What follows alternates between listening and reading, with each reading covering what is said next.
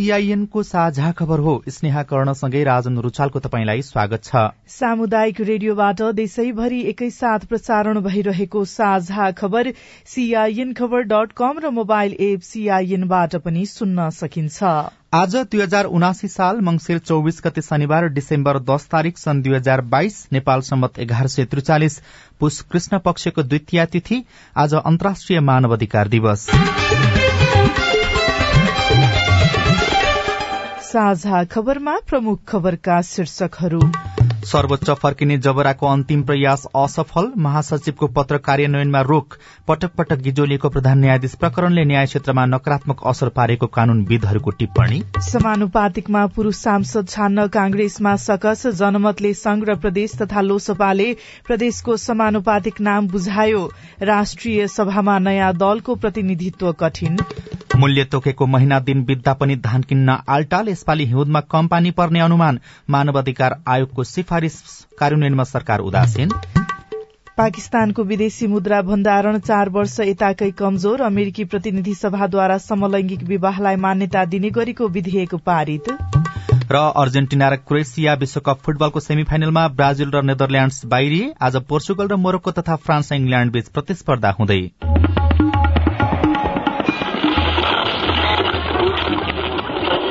सयौं radio.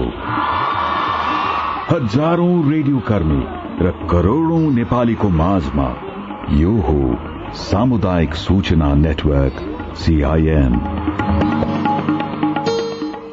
साझा खबरको सबैभन्दा शुरूमा सर्वोच्च फर्किने जबराको अन्तिम प्रयास असफल भएको प्रसंग दश महिनादेखि निलम्बनमा रहनुभएका प्रधान न्यायाधीश चोलेन्द्र शमशेर जवराले अवकाशको चार दिन अघि सर्वोच्च अदालत फर्कन गर्नुभएको अन्तिम प्रयास पनि असफल भएको छ। उहाँ मंगिर सत्ताइसमा पैंसठी वर्षे उमेर हदका कारण सेवानिवृत्त हुँदै हुनुहुन्छ। प्रतिनिधि सभामा महाभियोग प्रस्ताव दर्ता भएर निलम्बनमा रहनुभएका उहाँले संघीय संसद सचिवालयका महासचिव भरतराज गौतमलाई प्रयोग गरी निलम्बन फुकुवाको प्रयास गर्नु भएको थियो।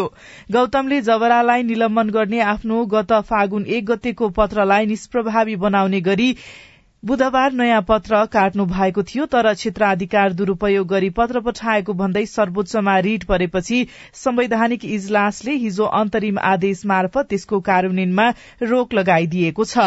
कायम मुकायम प्रधान न्यायाधीश हरिकृष्ण कार्कीको नेतृत्वमा न्यायाधीशहरू विश्वम्बर प्रसाद श्रेष्ठ ईश्वर प्रसाद खतिवड़ा आनन्द मोहन भट्टराई र अनिल कुमार सिन्हा संलग्न इजलासले जबराको निलम्बन निष्प्रभावी हुने भनी संसद सचिवालयका महासचिव गौतमले पठाएको पत्रलाई कार्यान्वयन गर्न रोक लगाएपछि जबराको निलम्बन निरन्तर रहने भएको छ। इजलासले संसद सचिवालयका महासचिवलाई यसरी पत्र लेख्ने अधिकार नभएको भन्दै पत्र के कति कारणले लेखिएको हो भन्ने बारे जवाफ दिन संसदका महासचिव गौतमको नाममा कारण देखाउ आदेश पनि जारी गरेको सर्वोच्च अदालतका सूचना अधिकारी देवेन्द्र ढकालले सीआईएनसँग बताउनुभयो। सर्वोच्च अदालत बार एसोसिएसनका अध्यक्ष पूर्णमान साक्यले दिनुभएको रिट निवेदनमा सुनवाई भएको छ र त्यसमा चाहिँ महाभियोग प्रस्ताव लाग्नु भएको प्रधान न्यायाधीश चुरेन्द्र शमशेर जबराज्यू जुन को महाभियोग निष्क्रिय भयो भन्ने खालको पत्र लेखेर पठाउनु भएको थियो संसद सचिवालयको महासचिवले होइन? त्यो पत्र चाहिँ अब सुनवाईबाट तत्काल कार्यान्वयन नगर्नु नगराउनु भन्ने आदेश भएको छ। यसैबीच निलम्बित प्रधान न्यायाधीश चोलेन्द्र शमशेर जबरा विरूद्धको महाभियोग निष्प्रभावी भएको भन्ने महासचिव भरतराज गौतमको पत्रमाथि सर्वोच्चले राखेको जिज्ञासा र कारण देखाउ आदेशमा संघीय संसद सचिवालयले एकमुष्ट जवाफ पठाउने भएको छ। कस्तो जवाफ पठाउने भनेर सचिवालय छलफल र परामर्शमा रहेको प्रवक्ता रोजनाथ पाण्डेले जानकारी दिनुभयो। यस्तै महासचिव गौतममाथि महानहानीको मुद्दा पनि लाग्न सक्छ तर यसको निर्धारण सर्वोच्चले गर्नेछ। एउटा कोर्समा अघि बढ़िरहेको विषयलाई अधिकारविहीन ढंगले चिठी लेख्ने आदेश दिने खालको सरकारवालालाई पठाएको चिठी त्यसको न्यायालयको मानवर्धन गरेको भन्ने हिसाबले पनि प्रश्न उठ्न सक्छ। सचिवालयका पदाधिकारीहरूले यस्तै प्रतिक्रिया दिएका छन्। त्यस्तै गौतममाथि न्यायिक टिप्पणी पनि हुन सक्छ जसले कार्यवाहीको आधार दिनेछ। कानून र पदले नदिएको अधिकार प्रयोग गर्दा अख्तियार दुरूपयोगको प्रश्न पनि उठ्न सक्छ। यसमा अख्तियार दुरूपयोग अनुसन्धान आयोगले छानबिन गर्न सक्नेछ। यसैबीच पटक पटक गिजोलिएको प्रधान न्यायाधीशको महाभियोग प्रकरणले नेपालको न्याय क्षेत्रमा नकारात्मक र दीर्घकालीन असर पार्ने संवैधानिक कानूनका जानकार प्राध्यापक डाक्टर पिपिन अधिकारीले सीआईएनसँग बताउनु भएको छ। मैले हेर्दाखेरि सर्वोच्च अदालत मात्र होइन नेपालको न्यायालय राजनैतिक प्रतिरोधको जुन वातावरण छ त्यसबाट प्रभावित हुन सक्ने विभिन्न किसिमको आशंकाहरू गर्ने ठाउँ छ। सबैभन्दा पहिलो कुरो त के छ भने महाभियोगको शस्त्र प्रयोग गरेर कारवाही सुरु गर्ने र उचित केसमा पनि कारवाही नगर्ने त्यसमा ऱ्याङखाङ मिलाएर अगाडि बढ्ने अनि एउटा चित्त नबुझेका न्यायाधीशहरूलाई भने सोही रूपमा भविष्यमा महाभियोगको अस्त्र प्रयोग गरेर किनार लगाउने त्यो सम्भावना हुन्छ। त्यो संविधानमा जुन महाभियोगको प्रस्ताव ल्याइ राखिएको छ जुन व्यवस्था गरिएको छ प्रावधान त्यसको उद्देश्य त्यो होइन। यो त के हो भने साँच्चीकै संवैधानिक सङ्कट छ र प्रधान न्यायाधीशका कारणले गर्दा या महाभियोगका अन्य पदाधिकारीहरू छन् त्यसको कारणले गर्दा त्यो किसिमको खतरा छ भनेदेखि अनि त्यो अधिकारको प्रयोग गर्ने हो संसदले। र त्यो अधिकार प्रयोग गर्दाखेरि प्रतिनिधि सभाको चाहिँ मूल्य मान्यताहरूका आधारमा गर्नु पर्दछ समानुपातिक तर्फका नाम निर्वाचन आयोगमा बुझाउने अन्तिम दिनसम्म पनि कांग्रेसलाई नाम छनौट गर्न सकस देखिएको छ। समानुपातिकमा पाएका बत्तीस मध्ये उनातिस सीट महिलाका लागि छुट्याउनु पर्ने भएपछि बाँकी तीन पुरूषतर्फका नाममा सहमति जुटाउन नेतृत्वलाई समस्या देखिएको हो।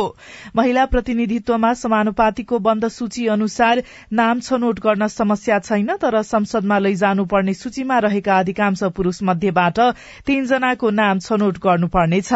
समावेशी समानुपातिक छवटा क्लस्टर मध्ये पुरूषतर्फ खसारेमा प्रकाश शरण महत आदिवासीमा गोपालमान श्रेष्ठ मधेसीमा विमलेन्द्र निधि दलितमा जीवन परियार मुस्लिममा फर्मुल्लाह मन्सूर र थारूतर्फ योगेन्द्र चौधरीको नाम एक नम्बरमा रहेको छ। उनीहरूमध्ये परियार र मन्सूर सह महामन्त्री हुन् भने महत निधि र श्रेष्ठ पूर्व पदाधिकारी रहेका छन्। दलित र मुस्लिम क्लस्टर तर्फबाट प्रत्यक्षमा पुरूषको प्रतिनिधित्व शून्य भएकाले समानुपातिकबाट दलित र मुस्लिम पठाउन पार्टीभित्र दबाव पनि देखिएको छ। तर सभापति देउवाको प्राथमिकतामा महत श्रेष्ठ र निधि देखिएका छनृ। यसैबीच जनमत पार्टी र लोकतान्त्रिक समाजवादी पार्टीले समानुपातिक बन्द सूचीबाट नाम छनौट गरेर निर्वाचन आयोगमा बुझाएका छन्। दलहरूले पाएको मतका आधारमा सीट बाँडफाँड गर्दै आयोगले समावेशी समूह अनुसार नाम पठाउन बुधबार पत्राचार गरेको थियो। आजसम्मको समय दिएको आयोगले संघीय संसद र प्रदेशसभामा तेत्तीस प्रतिशत महिला अपाङ्गता भएका अल्पसंख्यक पिछड़िएको क्षेत्र समेतको प्रतिनिधित्व हुने गरी क्लस्टर अनुसार नाम माग गरेकोमा हिजो दुई दलले बुझाएका हुन्। यसैबीच प्रतिनिधि सभा सदस्य निर्वाचन दुई हजार उनासीको पछि तीनजना तीन नयाँ राजनीतिक पार्टी संसदमा प्रवेश गरेका छन्। प्रतिनिधि सभामा राष्ट्रिय स्वतन्त्र पार्टी जनमत पार्टी र नागरिक उन्मुक्ति पार्टी नयाँ पार्टीका रूपमा आएका हुन् तर यी पार्टी राष्ट्रिय सभामा भने छैनन्। प्रतिनिधि सभामा प्रतिनिधित्व गर्ने तर स्वतन्त्र हैसियत भएका तीन मध्ये दुई दल राष्ट्रिय प्रजातन्त्र पार्टी र नेपाल मजदुरी किसान पार्टी मात्रै पार्टी पनि राष्ट्रिय सभामा छैनन्। राष्ट्रिय जनमोर्चा पनि स्वतन्त्र हैसियतमा रहेको पार्टी हो तर यो पार्टीले भने सत्तारूढ़ गठबन्धनमा सहभागी भएकाले दुई हजार अठहत्तर फागुन एक्काइस गते भएको राष्ट्रिय सभाका एक तिहाई सदस्यको निर्वाचनमा लुम्बिनी प्रदेशबाट राष्ट्रिय जनमोर्चाबाट तुलप्रसाद विश्वकर्मा निर्वाचित हुनुभएको छ। राष्ट्रिय सभामा प्रतिनिधित्व गर्नका लागि स्थानीय तह र प्रदेश सभाको मतले मात्रै सम्भव हुन्छ। यस आधारमा अहिले राष्ट्रिय सभामा कांग्रेस एमाले माओवादी केन्द्र नेकपा एकीकृत समाजवादी राष्ट्रिय जनमोर्चा र जनता समाजवादी पार्टी तथा लोकतान्त्रिक समाजवादी पार्टी मात्रै रहेका छन्। राष्ट्रिय सभामा नयाँ दलको प्रतिनिधित्व भने कठिन देखिएको छ। मानव अधिकार आयोगले गरेका सिफारिश कार्यान्वयनमा सरकार गम्भीर नबनेको पाइएको छ। सरकारले आयोगले सिफारिश गरेका मध्ये आधा मात्रै कार्यान्वयन गर्ने गरेको देखिएको छ जसले आयोगले काममाथिको विश्वसनीयतामा प्रश्न उब्जिएको अध्यक्ष तप बहादुर मगरले सीआईएनसँग बताउनुभयो। आयोगको सिफारिश कार्यान्वयनमा स्थानीय सरकारदेखि नै काम हुनुपर्ने उहाँको भनाइ छ। स्थानीय तहदेखि नै चाहिने कानूनको चाहिँ राम्रोसँग कार्यान्वयन हुनु पर्यो। अहिले नयाँ कानूनहरू आइरहेको छ संविधाहरू आइरहेको छ संविधान व्यवस्था गरिरहेको कुराहरू छ। यी सबै कुराहरू चाहिँ नि महिलाको हक अधिकार कुराहरू पनि छन् होइन।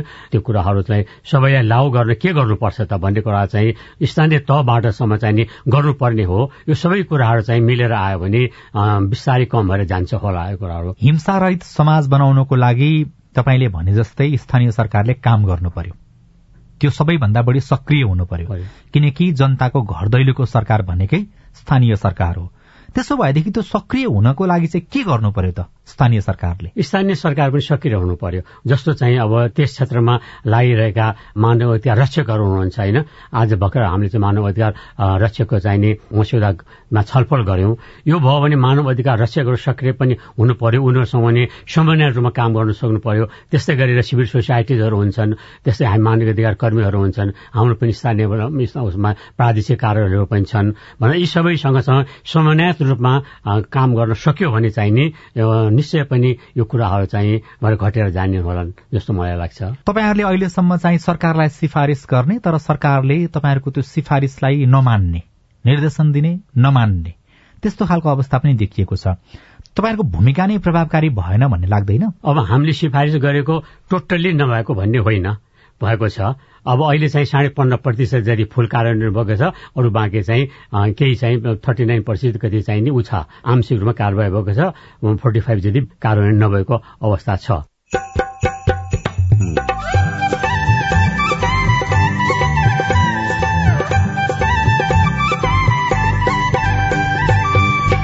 सामुदायिक सूचना नेटवर्क सीआईएन मार्फत देशभरि प्रसारण भइरहेको साझा खबरमा ताप्लेजुङ फक्ताङ बासिन्दालाई राज्यको सेवा पाउन कठिन।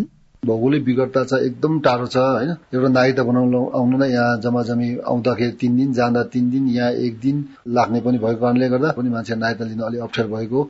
मूल्य तोकेको महिना दिन बित्दा पनि धान किन्न आलटाल यसपालि हिउँदमा कम पानी पर्ने अनुमान लगायतका खबर बाँकी नै छन्। सीआईएनको साझा खबर सुन्दै गर्नुहोला। बीएससी फरेस्टीमा भर्ना फारम भर्ने म्याद बढ़ाइएको सूचना। देशको एकमात्र प्राविधिक कृषि तथा वन विज्ञान विश्वविद्यालय वन विज्ञान संकाय अन्तर्गत बीएससी फरेस्टीमा विद्यार्थी भर्ना फारम दुई हजार उनासी मक्सिर एघार गते राति बाह्र बजेसम्म अनलाइन खुल्ला गरिएकोमा दुई हजार उनासी पौष तीन गते राति बाह्र बजेसम्म म्याद थप गरिएको छ। प्रवेश परीक्षा दुई हजार उनासी पौष नौ गते बिहान एघार बजे शुरू हुनेछ। थप जानकारीका लागि W W W dot entrance dot AFU dot EDU dot एनपीमा हेर्न सकिनेछ। सम्पर्क फोन नम्बर शून्य सन्ताउन्न पाँच तेइस दुई सय अडचालिस। नेपाल टेलिकमको सूचनाको संसार। होइन के सुनेको यस्तो ध्यान दिएर दोहोरो बोलेको जस्तो नै देख्दिन। तिन दुई एक शून्य शून्य क्या? तीन दुई एक शून्य शून्य। के हो त्यो भने? बुझिन त। ल सुन एनटिसी प्रयोगकर्ताहरूले आफ्नो मोबाइल तथा ल्यान्डलाइनमा तीन दुई एक शून्य शून्य डायल गरी समाचार रेडियो कार्यक्रम खेल र अन्य विषय बारे सन्देशहरू जुनसुकै बेला निशुल्क सुन्न सक्छन्। ओहो निशुल्क? कस्तो सजिलो। समाचार सुन्न छुट्यो भनेर पिर लागेको थियो। अब त म पनि सुनिहाल्छु। कति रे? तीन दुई एक। शून्य शून्य। सामाजिक रूपान्तरणका लागि यो हो सामुदायिक सूचना नेटवर्क सीआईएन तपाईँ अहिले देशभरिका सामुदायिक radio CIN Khabar dot com र मोबाइल एप सीआईएनबाट एकैसाथ साझा खबर सुन्दै हुनुहुन्छ। अब आज काठमाडौँबाट प्रकाशित पत्र पत्रिकाका खबर। कान्तिपुर दैनिकको भित्री पृष्ठमा मूल्य तोकेको महिना बित्दा पनि धान किन्न आलटाल शीर्षकमा राजु चौधरीले खबर लेख्नु भएको छ। किसानलाई उचित मूल्य दिलाउन भन्दै सरकारले दुई हजार उनासी कार्तिक सोह्रमा धानको न्यूनतम समर्थन मूल्य तोक्यो। गत वर्ष भन्दा प्रति क्विन्टल दुई सय छब्बीस रूपियाँ बढ़ाएर मध्यम धानको मूल्य एकतीस सय अठाइस रूपियाँ तोकियो। मोटा धानमा प्रति क्विन्टल दुई सय पन्ध्र रूपियाँ बढ़ाएर उनातिस सय सडसठी रूपियाँ निर्धारण गरिएको छ। धानको मूल्य तोकेको महिना बित्दा खरिदमा भने आलटाल भइरहेको छ। समर्थन मूल्य कार्यान्वयन गर्ने निकाय खाद्य व्यवस्था तथा व्यापार कम्पनी हो तर बजेट निकासा नभएको बहाना बनाउँदै खाद्यले खरिदमा प्राथमिकता दिएको छैन। किसानको धान खरिदमा ढिलाइ भएपछि नेपाल किसान महासंघ र अखिल नेपाल किसान महासंघले विरोध गर्दै आएका छन्। यी दुई संस्थाले बुधबार पत्रकार सम्मेलन गरेर पनि विरोध गरेका थिए। धान खरिद नभए डिपोहरूमा तालचा लगाउने उनीहरूले चेतावनी समेत दिएका छन्। देश विदेशमा जुम्लाका उत्पादन शीर्षकमा डीबी बुढाले खबर लेख्नु भएको छ जुम्ला घर अर्ग्यानिक्स एण्ड सुपर फूड्स मार्फत गत वर्ष जुम्ली मार्सी सिमी र कोदो गरी झण्डै तीस टन खाद्यान्न क्यानाडा पठाइयो। कम्पनीका संचालकले चितवन स्थायी घर भएका पूर्ण कडेलसँग सहकार्य गरेर जुम्ली उत्पादन क्यानाडाका विभिन्न शहरमा पठाउँदै आएका छन्। यसरी जुम्लामा उत्पादन भएका विभिन्न खाद्य वस्तु देश विदेशमा पनि पठाउने क्रम शुरू भएको छ। नयाँ पत्रिका दैनिकको पहिलो पृष्ठमा उपत्यकाका धारामा आइपुग्यो मिलम्चीको पानी शीर्षकमा खबर लेखिएको छ। शान्ति तामाङले यो खबर लेख्नु भएको हो। बर्खा शुरू हुने लाग्दा बन्द गरिएको मिलम्चीको पानी छ महिनापछि काठमाण्डु उपत्यकाका धारामा आइपुगेको छ। दुई हजार अठहत्तरको बर्खामा आएको बाढ़ीले क्षतिग्रस्त मिलम्चीको मुहानमा पुनः क्षति हुन नदिन गत जेठको अन्तिम सातादेखि काठमाण्डु पठाउन रोकिएको पानी पुनः वितरण गर्न थालिएको हो। खानेपानी मन्त्री उमाकान्त चौधरीले शुक्रबार वितरण केन्द्रको भल खोलेर तेस्रो पटक नागरिकका धारामा पानी पठाउने कार्यको शुरूआत गर्नुभएको छ। अहिले आंशिक रूपमा मात्रै मेलम्ची आयोजनाबाट खानेपानी आएकाले त्यसै अनुसार वितरण गरिएको छ। काठमाण्डु उपत्यका खानेपानी लिमिटेड केयूकेएलका प्रवक्ता प्रकाश राईले भन्नुभयो हाल प्रति घण्टा दसदेखि बाह्र लाख लिटर मात्रै पानी वितरण भइरहेको छ। नयाँ पाइपलाइन विस्तारको काम पनि चलिरहेको छ। पुरानै वितरण प्रणालीबाट पानी पठाउँदा सिंगो क्षमता सत्र हजार लिटर नै दिन सकिएको छैन। एक साताको वितरणको समय तालिका सार्वजनिक गरिने बताइएको छ। त्यस्तै नयाँ पत्रिका दैनिक लगायतका पत्र पत्रिकाले हिउँदमा न्यून वर्षा हुने प्रक्षेपणको खबर पनि छापेका छन्। हिउँदमा तीन महिनामा वर्षा न्यून हुने प्रक्षेपण गरिएको छ। जल तथा मौसम विज्ञान विभागले पन्ध्र मंगिरदेखि पन्ध्र फागुनसम्मको हिउँदे याममा मुलुकका धेरैजसो स्थानमा औसत भन्दा कम वर्षा हुने र अधिकतम तापक्रम पनि सरदर भन्दा बढ़ी हुने जनाएको छ। विभागको हिउँदे अवधिको हावापानी आकलन अनुसार प्रदेश एकका ताप्लेजुङ पाँच थर तेह्रथुम इलाम झापा मोरङ र सुनसरी लगायतका पूर्वी तथा तराईका जिल्लाहरूमा सरदर भन्दा कम वर्षा हुने देखिएको छ। कान्तिपुरको पहिलो पृष्ठमा प्रत्यारोपण भन्दा डायलासिस महँगो शीर्षकमा अर्को खबर लेखिएको छ। दुवै मृगौलामा खराबी आएर नौ वर्षदेखि डायलासिस गराउँदै आउनुभएका रोल्पाका शिवशेष महराले गत भदौमा प्रत्यारोपण गराउनुभयो। प्रत्यारोपण गराउँदा पाँच लाख पचास हजार रूपियाँ खर्च भयो तर सातामा दुई पटक डायलासिस गराउँदा सरकारी अनुदानको तेइस लाख चालिस हजार रूपियाँ खर्च भइसकेको थियो। पाँच वर्षदेखि मृगौला प्रत्यारोपणको प्रतीक्षा गरिरहनुभएका सिन्धुलीका चौतिस वर्षका दीपक नेपालीको डायलासिसमा तेह्र लाख रूपियाँ खर्च भइसकेको छ। त्यस्तै इलामका चालिस वर्षका लोक बहादुर थामीले डायलासिस गर्दा तीन वर्षमा अस्पताललाई सात लाख अस्सी हजार रूपियाँ बुझाइसक्नु भएको छ। कसैले मृगौला प्रत्यारोपण गराउन आफै दाता खोज्नुपर्छ त्यसमा पनि म्याच हुन सजिलो छैन। ऐनमा नाताको स्पष्ट परिभाषा नहुँदा मृगौला पीड़ित मर्कामा पर्ने गरेका छनृ। मानवाधिकार शरीरको अंग प्रत्यारोपण ऐन दुई हजार पचपन्नको परिच्छेद एकमा नजिकको नातेदारले अंगदान गर्न सकिने व्यवस्था गरिएको छ। कस्ता र कति पुस्ताका नातेदारसम्मले अंगदान गर्न सक्छन् भन्ने विषय प्रष्ट छैन। यही अस्पष्टताले प्रत्यारोपण गराउन अस्पताल प्रशासन नमान्दा मृगौला पीड़ित न्यायालय धाउन बाध्य भएका छन्। मृगौला फेल भएका तर प्रत्यारोपण गर्न अंग नपाएका करिब छ हजारको जीवन डायलासिसको भरमा बचेको छ। प्रत्यारोपण भन्दा डायलासिस महँगो हुँदा मृगौला पीड़ितलाई थप समस्या भइरहेको छ। साझा खबरमा अब हेलो सीआईएन सुशीला श्रेष्ठबाट। नमस्ते म नवराज थापा सुदूरपश्चिम प्रदेश बाजुरा जिल्ला हिमाली गाउँपालिका वडा पाँच। पाङ्गता भएको ट्र्याक्टरको लागि यातायातमा पचास पर्सेन्ट छुट भनेको छ। सरकारले तर एक पर्सेन्ट छुट भएको छैन। यो सुदूरपश्चिममा मात्र नभएर नेपालगंज सुर्खेत र अन्य ठाउँबाट पनि छुट हुँदैन। किन यसको जवाब दिनुहोस्? तपाईँको गुनासो हामीले यातायात व्यवस्था विभागका सूचना अधिकारी ईश्वरी दत्त पनेरूलाई सुनाएका छौं। कानून व्यवस्था ल्याइसके पछाडि त्यो तिनीहरूले मानव भनेर गरिराख्नु आवश्यक होइन। कानून पनि बन्यो नि त होइन? त्यो उहाँहरूले गर्नुपर्छ। कोही अन्याय अन्यायमा परेको छ भने अन्यायमा परेको व्यक्तिले त्यो प्रमाणसहित उहाँले विभागमा जानकारी दिनुभयो भने विभागले त्यसमा कारवाही गर्ने कुराहरू गर्छ कि त्यसो पुरै सँगै छ सुर्खेत काफलकोटका गुमाने बुढा हामीलाई इमेल गर्दै लेख्नुहुन्छ दुई हजार सत्तालिस सालदेखि एक स्थानीय विद्यालयमा कार्यालय सहयोगीको रूपमा कार्यरत छु। आगामी फागुन मसान्तबाट अवकाश पाउँदैछु। लामो समय अस्थायी रूपमा न्यून तलबमा सेवा गरेको पीड़ा त छँदैछ अब अवकाश हुँदा खाली हात घर जानुपर्ने अर्को पीड़ा थपिएको छ। अवकाश हुँदा के मैले कहीँ कतैबाट केही रकम पाउँछु कि पाउँदैन? गुमानेजी तपाईँको जिज्ञासाको जवाफ दिँदै हुनुहुन्छ शिक्षा मन्त्रालयका प्रवक्ता दीपक शर्मा। कार्यालय सहयोगीको त त्यसको अब सर्भिस ल बनिसकेका छैन उहाँले पाउने कुरो पछि पाउँछ होइन? तर अहिले अहिले अहिले सरकारले दिने भन्ने चाहिँ अहिले छैन। अब त्यो चाहिँ उहाँहरूको नियम बनेपछि पछि उहाँहरूले पाउनु। नमस्कार म सुरेन्द्र बाबली बाजुरा जिल्ला कारागारबाट। मेरो नागरिकता हराएको हुँदा त्यो नागरिकताको प्रतिलिपि निकाल्न यो बाजुरा जिल्ला प्रशासनबाट पाइन्छ। कि पाइँदैन। कुन ठाउँ हरायो त्यो थाहा भएन। अब त्यो नागरिकताको प्रतिलिपि निकाल्न साफेबगर नगरपालिका तेह्रबाट सिफारिस आएको छ।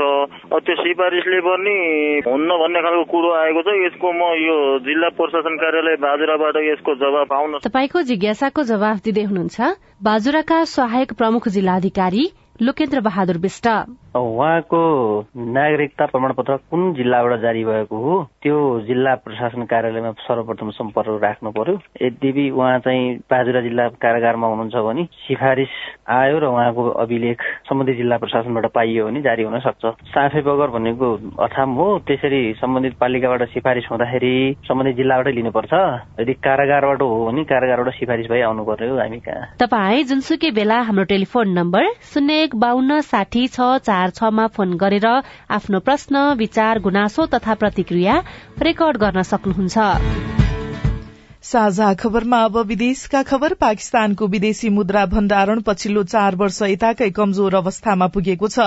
गत साता छ दशमलव सात दुई अमेरिकी डलर रहेको पाकिस्तानको विदेशी मुद्रा भण्डारणमा यो साता सात सय चौरासी अमेरिकी डलरले गिरावट आएको हो। स्टेट ब्याङ्क अफ पाकिस्तानका अनुसार विदेशी मुद्रा भण्डारण सन् दुई हजार उन्नाइसमा छ दशमलव चार बिलियन अमेरिकी डलर रहेको थियो। अमेरिकी संसदको प्रतिनिधि सभाले समलैंगिक विवाहलाई मान्यता दिने गरीको विधेयक पारित गरेको छ। अमेरिकी संसदको उच्च सदन सिनेटमा पारित भइसकेको यो विधेयक अब राष्ट्रपति जो बाइडनले हस्ताक्षर गरेपछि लागू हुनेछ। प्रतिनिधि सभामा रिपब्लिकन पार्टीका उनाचालिस जना सांसदले उक्त विधेयकको पक्षमा मतदान गरेका थिए।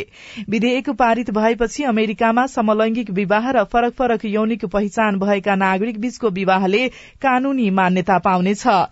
अमेरिकी राष्ट्रपति बाइडनले संसदबाट पारित विधेयकलाई ऐतिहासिक रहेको बताउनु भएको छ। साझा खबरमा अब खेल खबर। विश्वकप फुटबल विशेष। अर्जेन्टिना र क्रोएसिया कतारमा जारी फिफा विश्वकप फुटबलको सेमी फाइनलमा प्रवेश गरेका छन्। पहिलो खेलमा पाँच पटकको विश्व विजेता ब्राजिललाई टाई ब्रेकरमा चार दुई गोल अन्तरले हराउँदै क्रोएसिया सेमी फाइनलमा पुगेको हो। एजुकेशन सिटी स्टेडियममा भएको रोमाञ्चक खेलको निर्धारित नब्बे मिनट गोलरहित बराबरी भएपछि खेल अतिरिक्त समयमा गएको थियो। तीस मिनटको अतिरिक्त समयमा दुवै टोलीले एक एकको बराबरी खेले। त्यसपछि खेलको निर्णय पेनाल्टी सुट आउटबाट गरिएको थियो। पेनाल्टीमा क्रोएसियाका चार खेलाड़ीले गोल गर्दा ब्राजिलका दुई खेलाड़ीले मात्रै मात्रै गोल गर्न सके। पेनाल्टीमा चुकेसँगै ब्राजिल प्रतियोगिताबाट बाहिरिएको छ। त्यस्तै दोस्रो क्वार्टर फाइनलमा नेदरल्याण्डसलाई पेनाल्टी सुट आउटमा चार तीन गोल अन्तरले हराउँदै अर्जेन्टिना पनि अन्तिम चारमा पुगेको छ। निर्धारित नब्बे मिनट र थप गरिएको तीस मिनटको अतिरिक्त समयमा समेत दुई दुई गोलको बराबरी भएपछि खेल पेनाल्टी सुट आउटमा गएको थियो। अब अर्जेन्टिनाले सेमी फाइनलमा क्रोएसियाको सामना गर्नेछ। नेदरल्याण्ड्स भने प्रतियोगिताबाट बाहिरिएको छ। विश्वकप फुटबल अन्तर्गत आज पनि क्वार्टर फाइनलका दुईवटा खेल हुनेछन्। पहिलो खेलमा नेपाली समय अनुसार राति पाउने नौ बजे पोर्चुगल र मोरक्को बीच प्रतिस्पर्धा हुनेछ भने दोस्रो खेलमा राति पाउने एक बजे इंग्ल्याण्डले साबिक विजेता फ्रान्सको सामना गर्नेछ। नागरिकता बनाउन सकस झेल्दै ताप्लेजुङको उत्तरी क्षेत्रका नागरिक रेडियो रिपोर्ट अरू खबर र कार्टुन पनि बाँकी नै छ। सीआईएनको साझा खबर सुन्दै गर्नुहोला।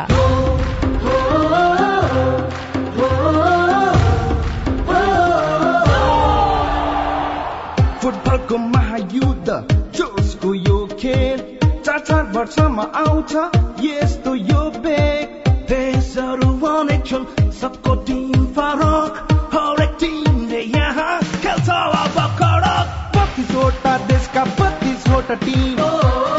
सबैको एउटै विजय हुने ड्रिम। विश्वकप त हल्का मचाउँदै चारैतिर खैला पहिला कसको टिमले दामी खेल्छ कसले गोल हान्छ पहिला विश्वकप फुटबलको म्याजिक हेर्नुहोस्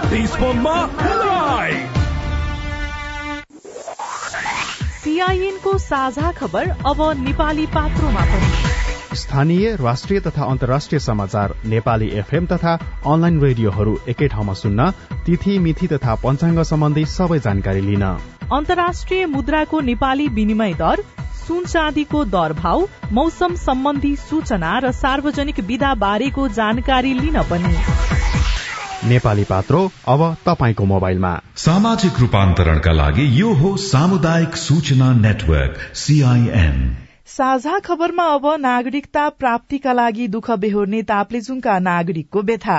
नागरिकता लिन दस दिनसम्म समय लाग्छ भन्ने कुरा झट्ट सुन्दा धेरैलाई विश्वास नलाग्न सक्छ। सुन्नेले पत्याउन मुस्किल पर्ने तर भोग्नेले सधैँ भोगिरहनु पर्ने बाध्यता छ ताप्लेजुङको उत्तरी सीमा क्षेत्रका बासिन्दाको। तिब्बतसँग सीमा जोडिएको ताप्लेजुङको फक्ताङलुङ गाउँपालिकाका बासिन्दालाई राज्यको सेवा पाउन धेरै नै कठिन छ। ताप्लेजुङको फोक्ताङलुङ गाउँपालिका साथ याङमाका टासी शेर्पा याङडोन शेर्पा र ठुण्डोप शेर्पा हातमा नागरिकताको प्रमाणपत्र परेपछि खुशी हुनुभयो। तर नागरिकता बनाएर घर फर्कन उहाँहरूलाई दस दिन लागेको छ। यसपालि खुसी नै भयो। नागरिकता बनाएर हामी तिनजना परिवार दाजुभाइले बहिनी हामी सँगै बनायो। छिरिङ याङडोन र ठुण्डोपको घर रहेको ठाउँ अर्थात याङमाबाट एक दिन हिँडेर ओलाङचुङ गोला र अर्को दिन हिँडेपछि इला डाँडा पुगिन्छ। त्यहाँबाट अठार सय रुपियाँ भाडा तिरेर सदरमुकाम आइपुगेपछि बल्ल शुरू हुन्छ नागरिकता बनाउने प्रक्रिया। वडा अध्यक्ष भेट्ने सिफारिश बनाउने र जिल्ला प्रशासन कार्यालयमा निवेदन दिने लगायत काम गर्दा अर्को दिन बित्छ। बीचमा शनिबार वा कुनै सार्वजनिक विधाको दिन परे थप अर्को दिन सदरमुकाममै बस्नुपर्छ। नागरिकताको विवरण नमिल्ने डर उत्तिकै हुन्छ। विवरण र कागजात नमिल्ला कि भनेर आफू स्वयं प्रशासन कार्यालयमा जाने गरेको फक्ताङलुङ गाउँपालिका साथ ओलाङचुङ गोलाका वडा अध्यक्ष चेतेन लामा शेर्पा बताउनुहुन्छ। भौगोलिक विगतता चाहिँ एकदम टाढो छ होइन? एउटा नागरिकता बनाउनु आउनुलाई यहाँ जम्मा जमी आउँदाखेरि तिन दिन जाँदा तिन दिन यहाँ एक दिन त्यस्तै शनिबार बिदा पर्यो भने गरेर धेरै दिन लाग्ने पनि भएको कारणले गर्दा दोस्रो कारणले गर्दा कस्तो हुन्छ भने नागरिकता यहाँ बनाउन आउनलाई चाहिँ शनाखत गर्ने पनि मान्छेहरू जस्तो जिल्लाको गाउँपालिका अध्यक्ष उपाध्यक्ष या जिसिएस प्रमुखै चाहिनु पर्ने कारणले गर्दा पनि मान्छे नागरिकता लिन अलिक अप्ठ्यारो भएको। चीनसँग सीमा जोडिएको ताप्लेजुङको सुदूर उत्तरी ओलाङचुङ्गोला घुन्सा फले लगायत भेगका नागरिकलाई सरकारी सेवा पाउन शास्ति हुने गरेको छ। याङमा सहितका दुर्गम भेगमा सबै सरकारी सेवा उपलब्ध गराउने गरी घुम्ती शिविर सञ्चालन गर्ने तयारीमा रहेको ताप्लेजुङका प्रमुख जिल्ला अधिकारी महेश कुमार पोखरेल बताउनुहुन्छ। याङमा घुन्सा गोला यो ठाउँहरूमा यहाँसम्म नाइट बनाउन आउन समस्या छ। त्यही भएर एउटा शिविर कस्तो भने त्यसमा चाहिँ कृषि स्वास्थ्य सबै सम्मिलित गरेर एउटा संयुक्त टोली नै बनाएर हामीले त्यो ठाउँहरू त्यस्ता विकट ठाउँहरूमा शिविर सञ्चालन गर्ने योजना बनाएको छ। याङमा लगायत भौगोलिक रूपमा दुर्गम भिकमा न बिजुली छ न त टेलिफोन नै। विकासका आधारभूत पूर्वाधार समेत नपुगेको यो क्षेत्रमा चुनावका बेला नेताहरू भोट माग्न समेत पुगेनन्। वर्षौंदेखि भोग्दै आएको यो दुःख कहिलेबाट कम होला भन्ने त्यहाँका बासिन्दाको चासो र चिन्ता छ। Krishna Phurumbo Limbu CIN radio Tamor Taplejung. रिपोर्टसँगै हामी साझा खबरको अन्त्यमा आइपुगेका छौं। सामुदायिक रेडियो प्रसारक संघद्वारा संचालित सीआईएनको बिहान छ बजेको साझा खबर सक्नु अघि मुख्य मुख्य खबर फेरि एकपटक।